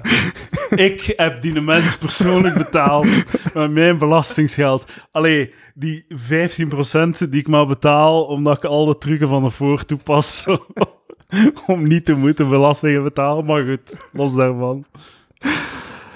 Eh, en volgend daarop spreekt inderdaad over het restaurant van eh, ouders eh, van die persoon. Ehm, hij benoemt ja, die persoon achternaam, dus het was ook echt niet moeilijk om ze te vinden. In Mm. eh, bepaalde podcasts hoort je ook de naam van de restaurant. Ehm, die ouders hebben daardoor een hoop lasten gekregen, negatieve reviews, valse boekingen. En wat heel opvallend is, in de re-upload van het filmpje is er twee minuten verdwenen, waaronder dat eh, eh, het restaurant van die ouders benoemd wordt. Dus vond ik redelijk opvallend en voor mij een klein beetje een schuldbekentenis ook. Ehm, ja, eigenlijk de hele context dat hij schetst over ehm Reuzegom in het filmpje is niet goed. Het gevoel dat ik wel heb bij veel filmpjes te kijken van Acid, eh, is dat die jongen het eigenlijk niet slecht bedoelt. Ehm, ik had eerst iets van, maar jij idioot, wat doet jij nu? Ik denk oprecht dat iemand is die in alle emotie dat gedaan heeft, duidelijk zonder er verder bij na te denken. En ik zie dat eigenlijk ook bevestigd in de interviews op het moment dat hij dan in de rechtszaal gaat. Hij snapt eigenlijk niet goed wat daar aan het gebeuren is. Ja, ja, Acid is- was just being. Ja. Ik denk, hij was enkel zichzelf. Ja, hij was Dus- gewoon zichzelf, ja. Ja, hij, Allemaal emotie, hè. Ja, en, en ik denk ook, en daar vind ik hem dan wel geniaal in, het is een, een PR-machine en hij is niet vies van wat controverse. En op het moment dat het geüpload werd, ik heb screenshot genomen van hoeveel ehm, volgers dat hij heeft, had een 380.000. Ik heb gisteren nog eens gekeken, hij zit nu over het half miljoen. Dus Wow. het heeft wel, het heeft wel geholpen. En ik denk, veel mensen die kwaad zijn, zien in Asset een, een soort van ja, volksheld, een soort Robin Hood. Ja, ja. Maar dat is een beetje mijn, mijn hypothese, dat, zo, dat, dat zo de Gen Z-girls, dat, dat, dat zo'n held gaan vinden of zo. En hij gaat zoveel meer neuken. Ja. Maar het is een beetje grappig, ja, ja, maar ik denk dat zo voor Acid, zo heel dat gedoe, dat dat zo een gelijkaardig cognitief probleem is als hij die er zo in de slimste mens zit en zo'n quiz moet oplossen. Hij, hij zat in de slimste mens, hè. Ja, ja. Dus eh, ja, ik vond het ook heel grappig die foto die in de morgen stond, dat hij zo in, zijn, in een chic zwart kostuum, ja. zodat hij, het leek alsof dat hij daaronder zo geen hemd of zo Ja, aan had. ja. Zo, ik zei, oh, en zo met zijn blond haar, van, oh, Gen Z pussy's wet. Ja, ja. Lekker een mooi kerel. Ja, maar hij is heel Of populair. onderschat ik ja. zo Gen Z, zo, of... Maar allee, als je 500.000 volgers hebt op YouTube, zullen er, zullen er meer dames zijn die je willen neuken dan dat je tijd hebt om te neuken. zo, ik dat, dat is een bepaalde kritische massa dat je gewoon zo, dat je een backlog hebt. Ja, Gen Z ja, ja. pussy, gewoon. Ja, ja. Maar ik, ik denk dus, om nu over Gen Z te spreken, ik heb ook waarschijnlijk een cognitive bias. Voor mij is een- het gemiddelde Gen Z-meisje is zo een, een, een bruin meisje die zo wat allochtoon is. Die zo eh, sportschoentjes draagt eh, en zo'n soort van parachutebroek. En die zo elk, elk zelfstandig naamwoord begint met de als ze het uitspreekt. Zo. Ja, ja, ja. Ja, we zijn hier in, in deze park en zo. Ja, zo de praten ze, denk ik. ja, Ja, ja. zo. Ja. Ja, hij is heel populair, hè, maar het, ja, het, het, het ding is, en ehm, onze, onze minister van Justitie heeft zich daar ook over uitgesproken. Wat dat hier eigenlijk een beetje krijgt, is dat de, de rechterlijke macht een, een sanctie heeft uitgesproken, dat de media is samengekomen, die hebben hun deontologie nagekeken en hebben beslist van we gaan die namen niet uitspreken. En dat je eigenlijk iemand hebt die het eerlijk waar allemaal niet heel goed begrijpt wat dat er gaande is die zich dan, dus ja, Cleo is het met mij eens, eh, die, zich hier dan eh, een beetje rechter gaat wanen en zelf die mensen gaat straffen. En eigenlijk ook, wat ik heel raar vind, is dat hem die, die ouders met dat restaurant erbij betrokken heeft, want die hebben er al helemaal niks meer mee te maken. Restaurant-eigenaars kun je volgens mij niet afchecken in de elite. Dat lijken me nu niet direct de... De- Welk restaurant is het? Ja. We gaan, we, nee, we gaan niet heeft zeggen, maar hangt, hangt... Ja, maar ja, maar dan... Ah, ik dacht dat Ja, zo... misschien ik- wel, hè? In mijn hoofd was zo dat een gehaktbal. is, Maar dat is waarschijnlijk omdat jij van die reviews zei, slechte gehaktbal. Maar ik weet Ja, niet. ik, ik ben het eens gaan opzoeken op Google en die reviews. Ik vind het eigenlijk, eerlijk, ik vind het eigenlijk echt zielig dat je daarmee bezig ja. Laat die mensen gewoon maar rust. Dat, ja, wat staat erin van eh, eten niet te eten, veel te veel vissaus, eh zo'n die... Eigenlijk een beetje alle open micers dat ik de Ja, het is een zich beetje daar- uitlaat humo zo, hè, van eh, iedereen probeert zo'n zinnetje. Kijk je dat, uitlaat bij humo? Ja, ja. Dat, is, dat is zo, jij kent, kijk je dat? Zo, Nee. ja, dat is zo hun op de website en, en, en dat iedereen mag zo... Ze geven een thema en iedereen mag dan zo een grappig zinnetje zo posten, zo. Ja. Dat was een beetje hetzelfde, zo. Ja, het thema is Rozegom restaurant, oh, wat gaat er op menu staan? En iedereen... Ja. Inderdaad, ja. En dat is allemaal niet nodig. Je doet dat niet. We hebben een rechterlijke macht voor iets. En als je kwaad bent, maak je dan kwaad op de wetgevende macht die de wetten hebben gemaakt, dat dan uiteindelijk worden toegepast. Ehm, en de realiteit is ook gewoon, ehm, de namen en zo van die gasten ehm, waren inderdaad bekend. Je kon dat heel gemakkelijk terugvinden. Dat is allemaal Ja, ja, mee in rekening. toch gewoon Het is wel zalig dat dan zo... Op het eh, geld en zo, kon je het gewoon googlen. Zo Sammy Medi, dat hem zo op de kar springt Ugh. met Acid. Maar jij, als je uw logica volgt, dan zo... Maar Sammy, het is uw schuld. Jij Ja. hebt de wet geschreven, je fucking dep. Dus eh, Ja. heel teleurstellend. Trouw- trouwens, die foto's gezien van Sammy Medi, die zo eh, als drag queen verkleed was. CDM, Man, het- wat de... Waar zijn we mee bezig, Maar, eh, oprecht, ik vond het echt heel... Is dat er echt goed? Ik heb nog nooit zo'n goede drag queen... eh, ja, ik weet niet. Ja, ze hebben Sammy echt goed, nee, ja. die hebben ze, ze hebben uiteindelijk de Batman van de CD&V er ook op moeten sturen om interviews te geven, omdat ze ook wel door hadden van ja, dit is niet te redden wat die gast gedaan heeft. En dan hebben ze de, de grote Benjamin Dalle, eh, nu alle wel bekend, een interview laten geven dat ik zelf merkte dat hij iets had van ja, moet ik dat hier nu Ja, staan ja. uitleggen? Benjamin Dalle wordt wel zo'n beetje de next in line, hè, zo. De, de het. big head of CD&V. Ik hoop Om het. de C terug relevant. Hij wordt opnieuw de C en de CD&V. Ja, Nee. ja, ja, kijk, stem op wie dat je wilt. Je hebt allemaal eh, de keuze om te stemmen op wie je wilt. Ik kan het maar roepen. Ah, ik ga Bart de Wever stemmen, kijk. Dat, taboe is uit de wereld. Nee, ga maar verder. Ga verder.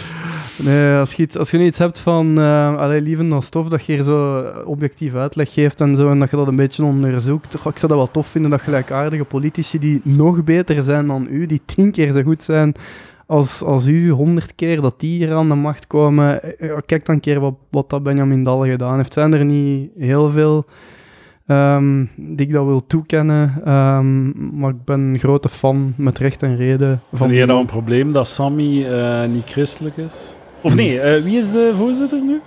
Sammy? Ja, nog altijd Sammy, Ja. maar die is niet christelijk, hè? Nee. En Even bij vind mij niet. dat geen probleem? Nee, nee, nee, maar het gaat ja. over... Ja. Dat is een andere vraag. Hè. Ja, dat is een identiteitsprobleem bij de Ja. CD&V, dat de C eh, voor niks meer staat. Ja. Dus die zoeken heel tijd een soort van, ja, wat Ja, ze, zoeken een soort van identiteit. Maar ze moeten ofwel de C laten vallen, ofwel effectief christelijk zijn, natuurlijk. ja, dus... Is dat niet zo? Allee, dat is toch uw voorzitter die niet eens ja, de C vertegenwoordigt? Ja, Maar er zijn uiteindelijk... waarschijnlijk wel een oude achterban die wel nog loyale stemmers zit. Ja. Zo van oude, oude mensen die eh, katholiek waren en zo. Ja. Maar Dus ze dat- hebben ja. in, in Antwerpen ook... Het gaat meer, denk ik, over het ehm, godsdienstvrijheid en minder over het christelijke katholieke, want ze hebben ook... Maar ik ben zijn naam kwijt, die orthodoxe jood in Antwerpen, Ah, ja, even ja, op de ja. lijst gezet. Die Maar dan- iedereen aan een, aan een jood, hè, het schijnt. Ja. Zoals, i- eh, eh, Ja, ja. ja. Maar hij wel daar competente joden. Nee, het is, het is heel stom. Het is heel stom wat ik zeg, want het is eerder omgekeerd. Allee, vindt een niet-competente jood. Nee. Maar de, ja, de, het was Friedman, of hoe noemt hij? Dat was Ja. echt zo'n... Een, een, een, maar hij had zo die...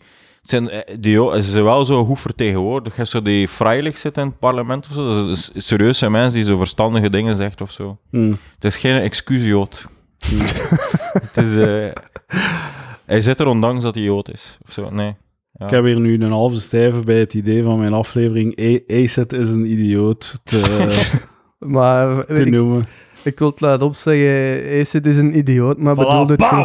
Zet Titel. er maar in. Ja, Titel. Zo dik zit jurist lieven. Zo, als voor hij wordt heel.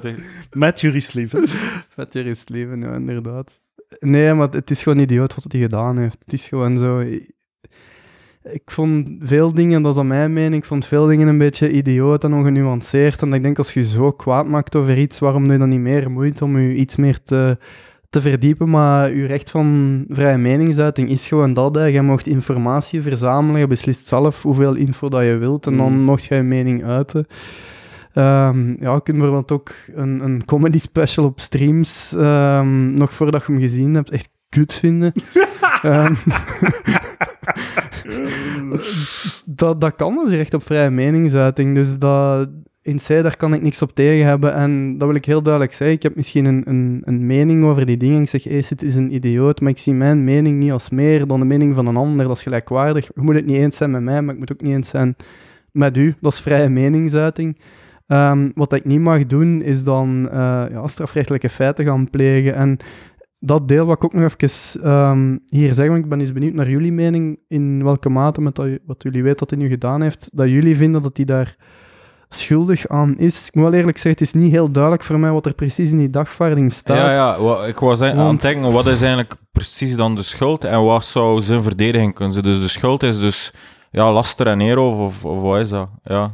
Ja, de, de verdediging kan ik u zo zeggen wat gaat zijn. Is, ik Ja. heb recht op vrijheid van meningsuiting, Ja. één. En twee, die namen en zo waren al bekend. Ja, ja. ja.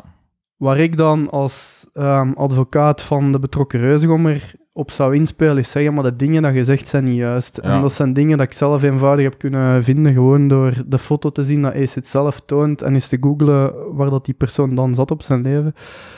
Maar het puur strafrechtelijke vind ik iets moeilijker, dus het, het is, ja, en aanzet tot geweld nog ook. Allee, dat zit er niet bij. ah, oké. Tot mijn, zit niet in tot de... mijn verbazing, nee. ja. Hoewel dat hij dat wel zegt, dat hij eh, zijn tanden uit zou willen slaan. Ik denk dat het meer een uiting is van de frustratie dat hij heeft. Wat dat hij wel heeft, is belaging. En denk daarbij goed ook aan het feit dat die ouders daarmee inzitten. Dat is niet puur die reuzegommer. Dus het ernstig verstoren van de rust van een persoon, terwijl dat men eigenlijk Mm. wist, of had moeten weten, ehm, dat dat gedrag dat effect ging veroorzaken. Dus in dit geval elektronische belaging, omdat via YouTube ja, ja. gebeurd is, ja, ik, ik zou natuurlijk de, de burgerlijke partij het gaan, moeten, gaan het moeten bewijzen dat die belaging er was, dat er schade was en, en zo.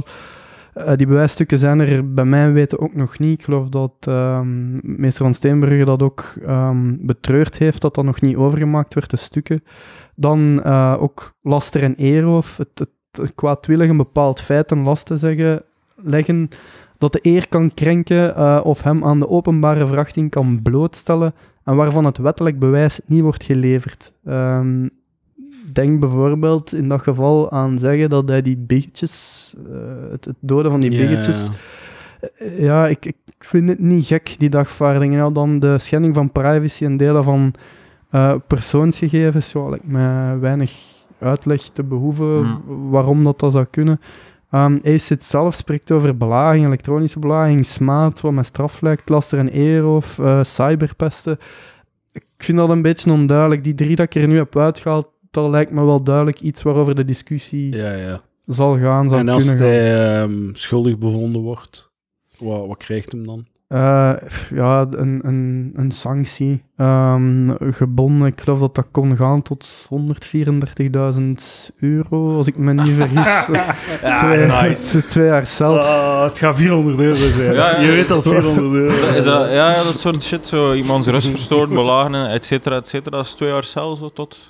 Ja. Ja. maar even alle gekheid op een stokje. Er is een andere zaak waar dat er belanging is geweest, die we ook hebben besproken, eh, Bart de Pauw. Ah. Waar dat de feiten veel ernstiger Ja, waren. ja, dat kan je wel zeggen. Ja. Alle gekheid op een stokje, zo'n vaart zal het niet lopen. Hmm. Eigenlijk is heel het mediacircus rond deze zaak een beetje onnozel, omdat het een... Ja, ja. Het is geen zot als het openbaar ministerie gaat zelfs geen initiatief nemen. Dus ze zeggen gewoon, oké, stuur maar de bewijsstukken, we gaan het dan bekijken, een uitspraakje doen en, en Dus- dan zien we dus- wel weer. Dus eigenlijk maken we zo weer een beetje dezelfde fout. Dat wij zijn nu aan het heilen zo op die rechtszaak tegen Asset, omdat we een debiel vinden. Net zoals alle andere mensen zo... De meute ook zo eh, verontwaardigd was over eh Reuzen, omdat zij zo'n debiel, debiele groepje zijn of zo. Goh, Eh. ik vind dan, ja, dat vind ik minder het geval, omdat we hebben de feiten hier met onze eigen ogen gezien. Hè. Het Ja, reuzegom is moeilijker, we waren daar niet bij. Ja. Het enige wat wij weten als plebs is wat er in de media is verschenen. Die rechter heeft een dossier gezien, het openbaar ministerie heeft een dossier gezien dat wij nooit hebben gezien. We weten niet wat daarin staat. We weten Ja. enkel wat dat er her en daar in, in, eh, in de krant is verschenen. Hier we hem het filmpje, ik vermoed dat iedereen het gezien heeft. We weten wat feit is. En dat maakt dat we er ook wel een, Ja, ja. een mening over kunnen Ja, en mogen hebben, ja. natuurlijk. Mhm. Ik had nog een vraag voor u, lieve, maar bent vergeten. Kun je nog even babbelen toen eigenlijk nadenken? Als je het, Mathieu, naar uw mening is er hier eh, sprake van eh belaging, laster en eeroof? Eh, ja, maar ik verwacht niet zo dat dat dan zo proportionele hoge straf is. Waarschijnlijk gebeuren er heel veel van die zaken waar dat iemand zo... eh, ja, als je tegen een, een beetje een zaak saboteert of zo op ehm, disproportionele wijze. Zo, ik kan me zo inbeelden dat dat zo niet de eerste keer is of zo. Dat er daar zo ja, boetes op staan. Hetgeen dat je dat noemde is wel heel... Allee, maar Bart de Pauw heeft zelfs... De, de celstraf was enkel voorwaardelijk. Ja. ja. Van Goeibergs was het in het begin even onvoorwaardelijk, maar je weet... Het was wel maar is in beroep is dat dan verlicht of is hij zelfs helemaal eh, niet is, vrijgesproken, maar... is verlicht geweest. dus- Ja, ja, maar ja, het was dan zo, wa- wat er wel zot was, drie, maanden of twee maanden effectief zo. Maar dat wordt niet uitgezeten, omdat het nog altijd zo is dat tot eh, onder de twee jaar geaccumuleerde straf van tot en met twee jaar niet wordt uitgezeten. Dus pas als je het zo verzamelt, Ja. pas vanaf twee jaar moet je eh, in een cel met, met vijf andere mensen. eh. Ja. Ehm, dus ja, tja, dan verwacht je toch een beetje dat dat ja, naar verhouding, ja, zoiets als een... Maar enfin, Stop maar. de mening is... Stop. Stop, oké. Doe maar. Doe maar, doe zet maar af. Mijn mening is dat er wel... Ja, het lijkt een veroordeling... Dus hij kan ook... IJsset kan ook nog volledig vrijgesproken worden. Ja, hè. ja, dus ja. mijn mening is... i- i- eh, mijn, eh, een veroordeling zou hier gepast zijn. Een of andere veroordeling zou gepast zijn. Nee. Ehm, je, je, je hebt een heel mooi ideaalbeeld van het, eh, ons systeem, lieven. Ehm, ik, eh, ik, ik heb u eh, op Discord heb ik een filmpje gezet, eh, de snijtafel kennen. Nee. Dat is zo'n YouTube-kanaal waarin dat twee intelligente mensen, de, het is Casper, ik weet niet wie, en hij heeft dan een gast. En ze kijken naar een film, filmpje of een tekst die ze versnijden. Dus eh, ze, ze gaan door een tekst heen, woord voor woord, en ze geven daar dan commentaar op als soort van maatschappijkritiek. Dat is een Nederlands ding. Heel goed. Eh, en een van de laatste afleveringen, denk ik, was, ging over een, eh, een, aflever, een aflevering of een show in Nederland, waarin dat ze advocaten aan het woord laten. En... ehm, eh, of rechters, nee, rechters aan het woord laten. En ze gingen, en er was zijn, eh, zijn gast was ook een advocaat, en ze gingen stap voor stap door, eh, door die getuigenissen van die rechters. En die rechters, dat was heel frappant dat die heel hard hun vrijheid van strafge f- strafzetting of whatever Ja, ja. benadrukte. Dat, zo, dat ze zo zeggen van... Ze vroegen, ja, dus het kan zijn dat je, dat je in eh, Hilversum eh, en in fucking eh, Amsterdam voor dezelfde feiten andere straffen gaat krijgen. En dat die rechter dan zo zegt van, ja, inderdaad, en gelukkig maar. Dus dat die, dat die allemaal zoiets hadden van, ja, en het is belangrijk dat je je eigen stempel kunt... Ik vind dat belangrijk dat ik mijn eigen stempel kan drukken. En zo heel subjectief eh, dat ze eigenlijk het, een soort van trots waren en blij waren met het subjectief element van eh, de strafzetting. Denkt u dat dat hier ook een probleem is? Of, of wat, is uw go? Ja, ik vind dat een, een, een heel, goed, heel goed punt. Ehm, ik vind het, het is... Ik Maar het moet ook nog een beetje ja. leuk blijven voor de rechters, hè. Als die niks anders moeten doen dan Ja, maar dat, dat object, dat, Dat was echt de zijn. vibe zo. Ja, Dat was van, ja, oh, Moet een beetje ik mag toch ook een leuke job hebben. Ik mag toch ook belangrijk zijn. Ehm, nee, maar ik denk elke rechter in, in België, er zullen uitzonderingen zijn, het zijn altijd uitzonderingen, nemen hun job wel heel serieus. Maar echt heel serieus. Eh, en dat weet ik uit mijn eigen praktijk ehm, als advocaat. Ehm, ga je in verschillende rechtbanken andere vonnissen krijgen? Ja, sowieso. Dat kan niet anders. Ehm, daar volg ik. Waar ik wel niet helemaal in volg, is dat voor gelijkaardige feiten, dat is voor mij iets, niet, iets dat niet meetbaar is. Twee zaken zijn nooit helemaal hetzelfde. Er zijn altijd Ja. andere insteken, Ja. altijd andere zaken dat gebeuren, waardoor dat logisch is dat misschien twee zaken die gelijkaardig lijken, dat daar een verschillend vonnis in is. Ja, maar dat is een nuance die ze niet maakten. De vraag was identieke feiten, één zaak, Ja. recht, rechtbank in Hilversum of rechtbank ergens anders, Ja. ga je andere straf krijgen. Ja, en dat is maar goed ook. Ja, maar dat is abstract gedacht. Dus dat is niet iets wat in de realiteit Ja, ja. zal gebeuren. Abstract gezien heb ik daar ook geen probleem mee, omdat wat een rechter uiteindelijk doet, en het gaat hier nu over strafrecht, vermoed ik. Ehm, wat een rechter eigenlijk doet, bijvoorbeeld een strafrechter, is die gaat kijken welke sanctie is hier nu het best gepast om het maatschappelijk belang te gaan Ja. vertegenwoordigen. En dan klopt het inderdaad dat mensen met verschillende ervaringen zaken anders gaan bekijken, anders gaan interpreteren. Ehm, ga je zotte verschillen krijgen? Nee, het zal wel altijd min of meer zo'n beetje... Het is zo'n tekeningsken en ze kleuren af en toe zal met een klein beetje buiten de lijntjes gaan. Maar ik, ik geloof niet dat er echt fundamentele verschillen gaan zijn afhankelijk van de rechtbank waarvoor dat je bent. Ehm, dat gezegd zijnde, ehm, er bestaat wel zoiets als de activistische rechter.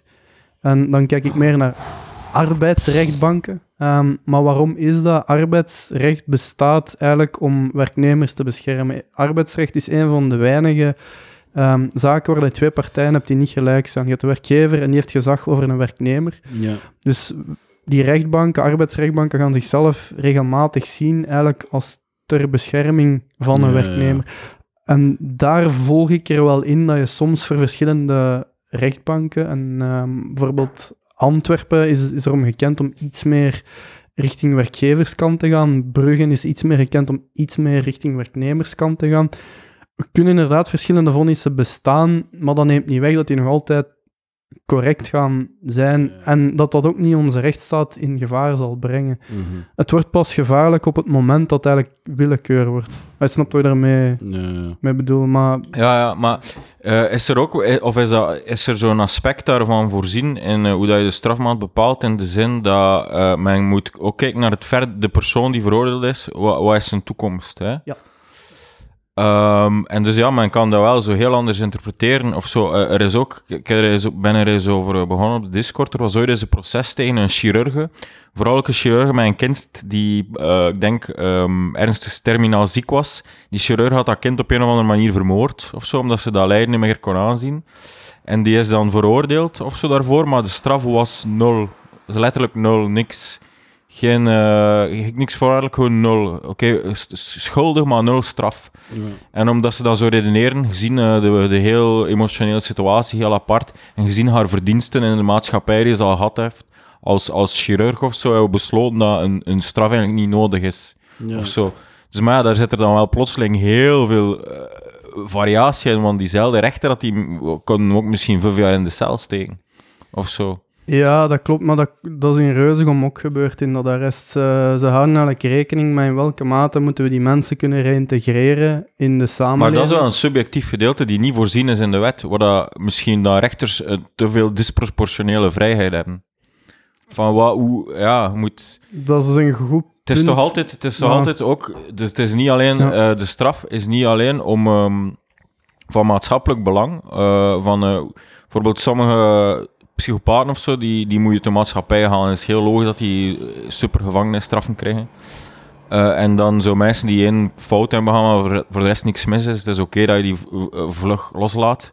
Zo om een beter leven, maar het, is ook, het gaat hem ook over het feit dat je het aan het slachtoffer een soort van symbolische daad ten opzichte van het slachtoffer, kan een persoon zijn of de maatschappij, dat je op een of andere manier dat soort van respect geeft of zo. Van je kunt zeggen, ja, hij heeft de fout van zijn leven begaan, nul straf, maar ja, je hebt me wel vermoord voor geld of zo. Allee, dus het slacht is Ja. toch ook het aspect van eh, het slachtoffer in eer herstellen of zo, door een... Door, eh, dus, allee, maar dus het probleem is, dat zijn twee machten, twee subjectieve machten, waar dat er misschien dan, ja, waar dat je dan misschien te blind in bent om daar ergens een redelijke maat in terug te vinden. Sommige mensen gaan zeggen nul straf, en anderen zeggen ja, maar ja, oké, eh, a- al die factoren kunnen we rekening houden, maar hij heeft wel die mens vermoord en die familie zit nu met die dode mens. Zo, dat is bijvoorbeeld vaak zo bij ook verkeersslachtoffers. Eh, zotte recidieve chauffeurs die dronken iemand vermoorden en dan soms zijn die straffen behoorlijk licht misschien. En dan zitten, omdat ze zeggen van ja, oké, wat moet die moet hem nu zo lang in de bak steken of zo. Wat, allee, dus, maar ja, dus, de familie zit dan wel met die slachtoffers, hè, snap je? Ja, tuurlijk, maar dat begrijp ik wel. Ah ja, iets wat mij altijd stoort als men spreekt over rechtszaken is, dat is de winnaar. Ze hebben verloren. In een rechtszaak zijn er nooit winnaars. Ja, ja. Iemand wordt in het gelijk gesteld of iemand wordt verloren en dat zit. Dat is geen wedstrijd. Ehm, het is nu ook niet... Maar ik vind toch dat Reus met 13-0 gewonnen heeft. Het is wel zo, het is een soort wel, eh, zo die eh, varia- variatie is natuurlijk een soort van fysica. Dat je dat zegt, elke zaak is eh, heel uniek, dus je, kunt je kunt niet alles in, in exact op voorhand Ja. bepalen, dus het is gewoon onmogelijk. Maar de, je kunt wel je vraag stellen over de, de mate van variatie. Moet die variatie 0 tot v- 40 jaar zijn, of moet de variatie 5 tot 10 Ja. jaar zijn, of zoiets? Maar dat is, daar ook heb je checks en balances. Hè, dat, ehm, een callback naar het begin van de aflevering dan, dat daar wat een rechter doet, is de wet toepassen. En als je vindt dat daar te veel speling zit van een rechter, moet je die wet aanpassen, want die, die rechter gaat dat gewoon doen.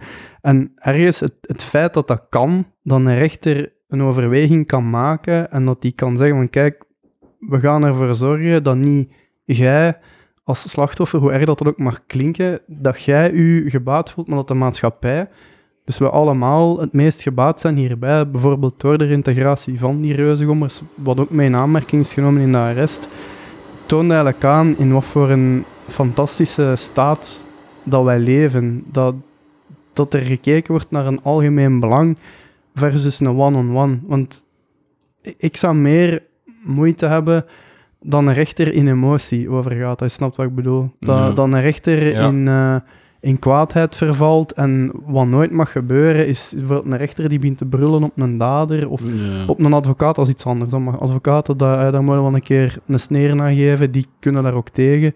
Ehm, ik vind dat net heel, heel mooi dat dat abstracte concept, als het ware, dat dat bestaat. En als dat niet zou mogen, zou dat aangepast moeten worden. Maar dan komen we weer terug bij ons als, als maatschappij. En wij moeten er dan voor zorgen dat de juiste mensen in die, in die wetgevende macht zitten om, om die wetten te voorzien.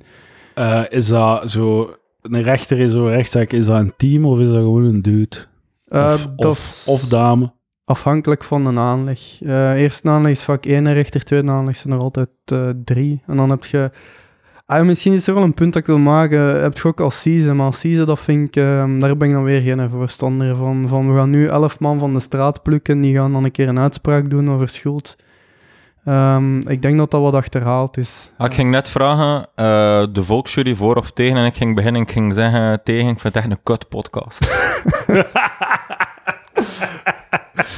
Podcast Wars. ik, ben, ik ben pro de volksjury, Mathieu, maar dat is geen palavermateriaal. De, ik bedoel de rechterlijke eh, Ja. systeem, hè. Kent jij de podcast My Favorite Murder? Nee, nog niet. Moet er eens naar Is, luisteren. eh, eh, laat me raden, de Volksjury is gewoon zo'n fake kopie, slechte Ah ja, maar kopie dat is ervan. evident toch, dat de Volksjury Ja, is de v- zeven miljoenste eh, podcast Ja, ja, ja. waarin millennia- twee mil- millennial dames een Wikipedia-pagina lezen en er dan zo wat over, over eh, mekkeren op een, op een podcast. Zo met een wave, waverige ins- vrouwelijke zo, dat is de insteek. zo. meest- is, dat is letterlijk 35% Maar ja, van alle bestaande podcasts Maar ik op denk, aarde. ik denk wel dat ze zo'n, toch wel een threshold gehaald hebben van het is nog een beetje kwalitatief. Of ze, ze brengt nog een beetje op een goede manier. En een andere 35% van alle podcasts op, op aarde zijn zo een paar komieken en, eh, matige, vrienden. ja, middelmatige dudes die wat lullen over van alles in de naam van comedy. Ja, Toegegeven. maar ik blink ik wel, heb dit ook niet uitgevonden. maar ik blink er wel in uit of zo op een of andere manier. Ja, maar oké. is- We zijn genie, eh, Mathieu. Ja, ja. Ja, ja, absoluut. Patreon.com slash palaver, 5 euro. Ehm, is, is er nog iets dat je kwijt wilt over, Over? Luister naar de Patreon als je wilt dat we, dat we een keer goed losgaan. En eh, je, wat, wat is het thema van de Patreon? Of wilde, wilde Het thema van de Patreon is we gaan een eh, bekende politicus maar echt kapot maken. Oké, nice. Leuk. Maar ja, ja, hopelijk zijn we het erover eens. Over, eh, Sowieso. Oké. Toppie. Eh, ik ga pipi doen, 5 euro per maand. Pa- Patreon. Ik wil je geld. Veel nieuwe. Dank u wel voor alle mensen die mij geld geven. Het is, eh, it's business is booming. Oké, dank u wel Mathieu B. en Juris Lieven.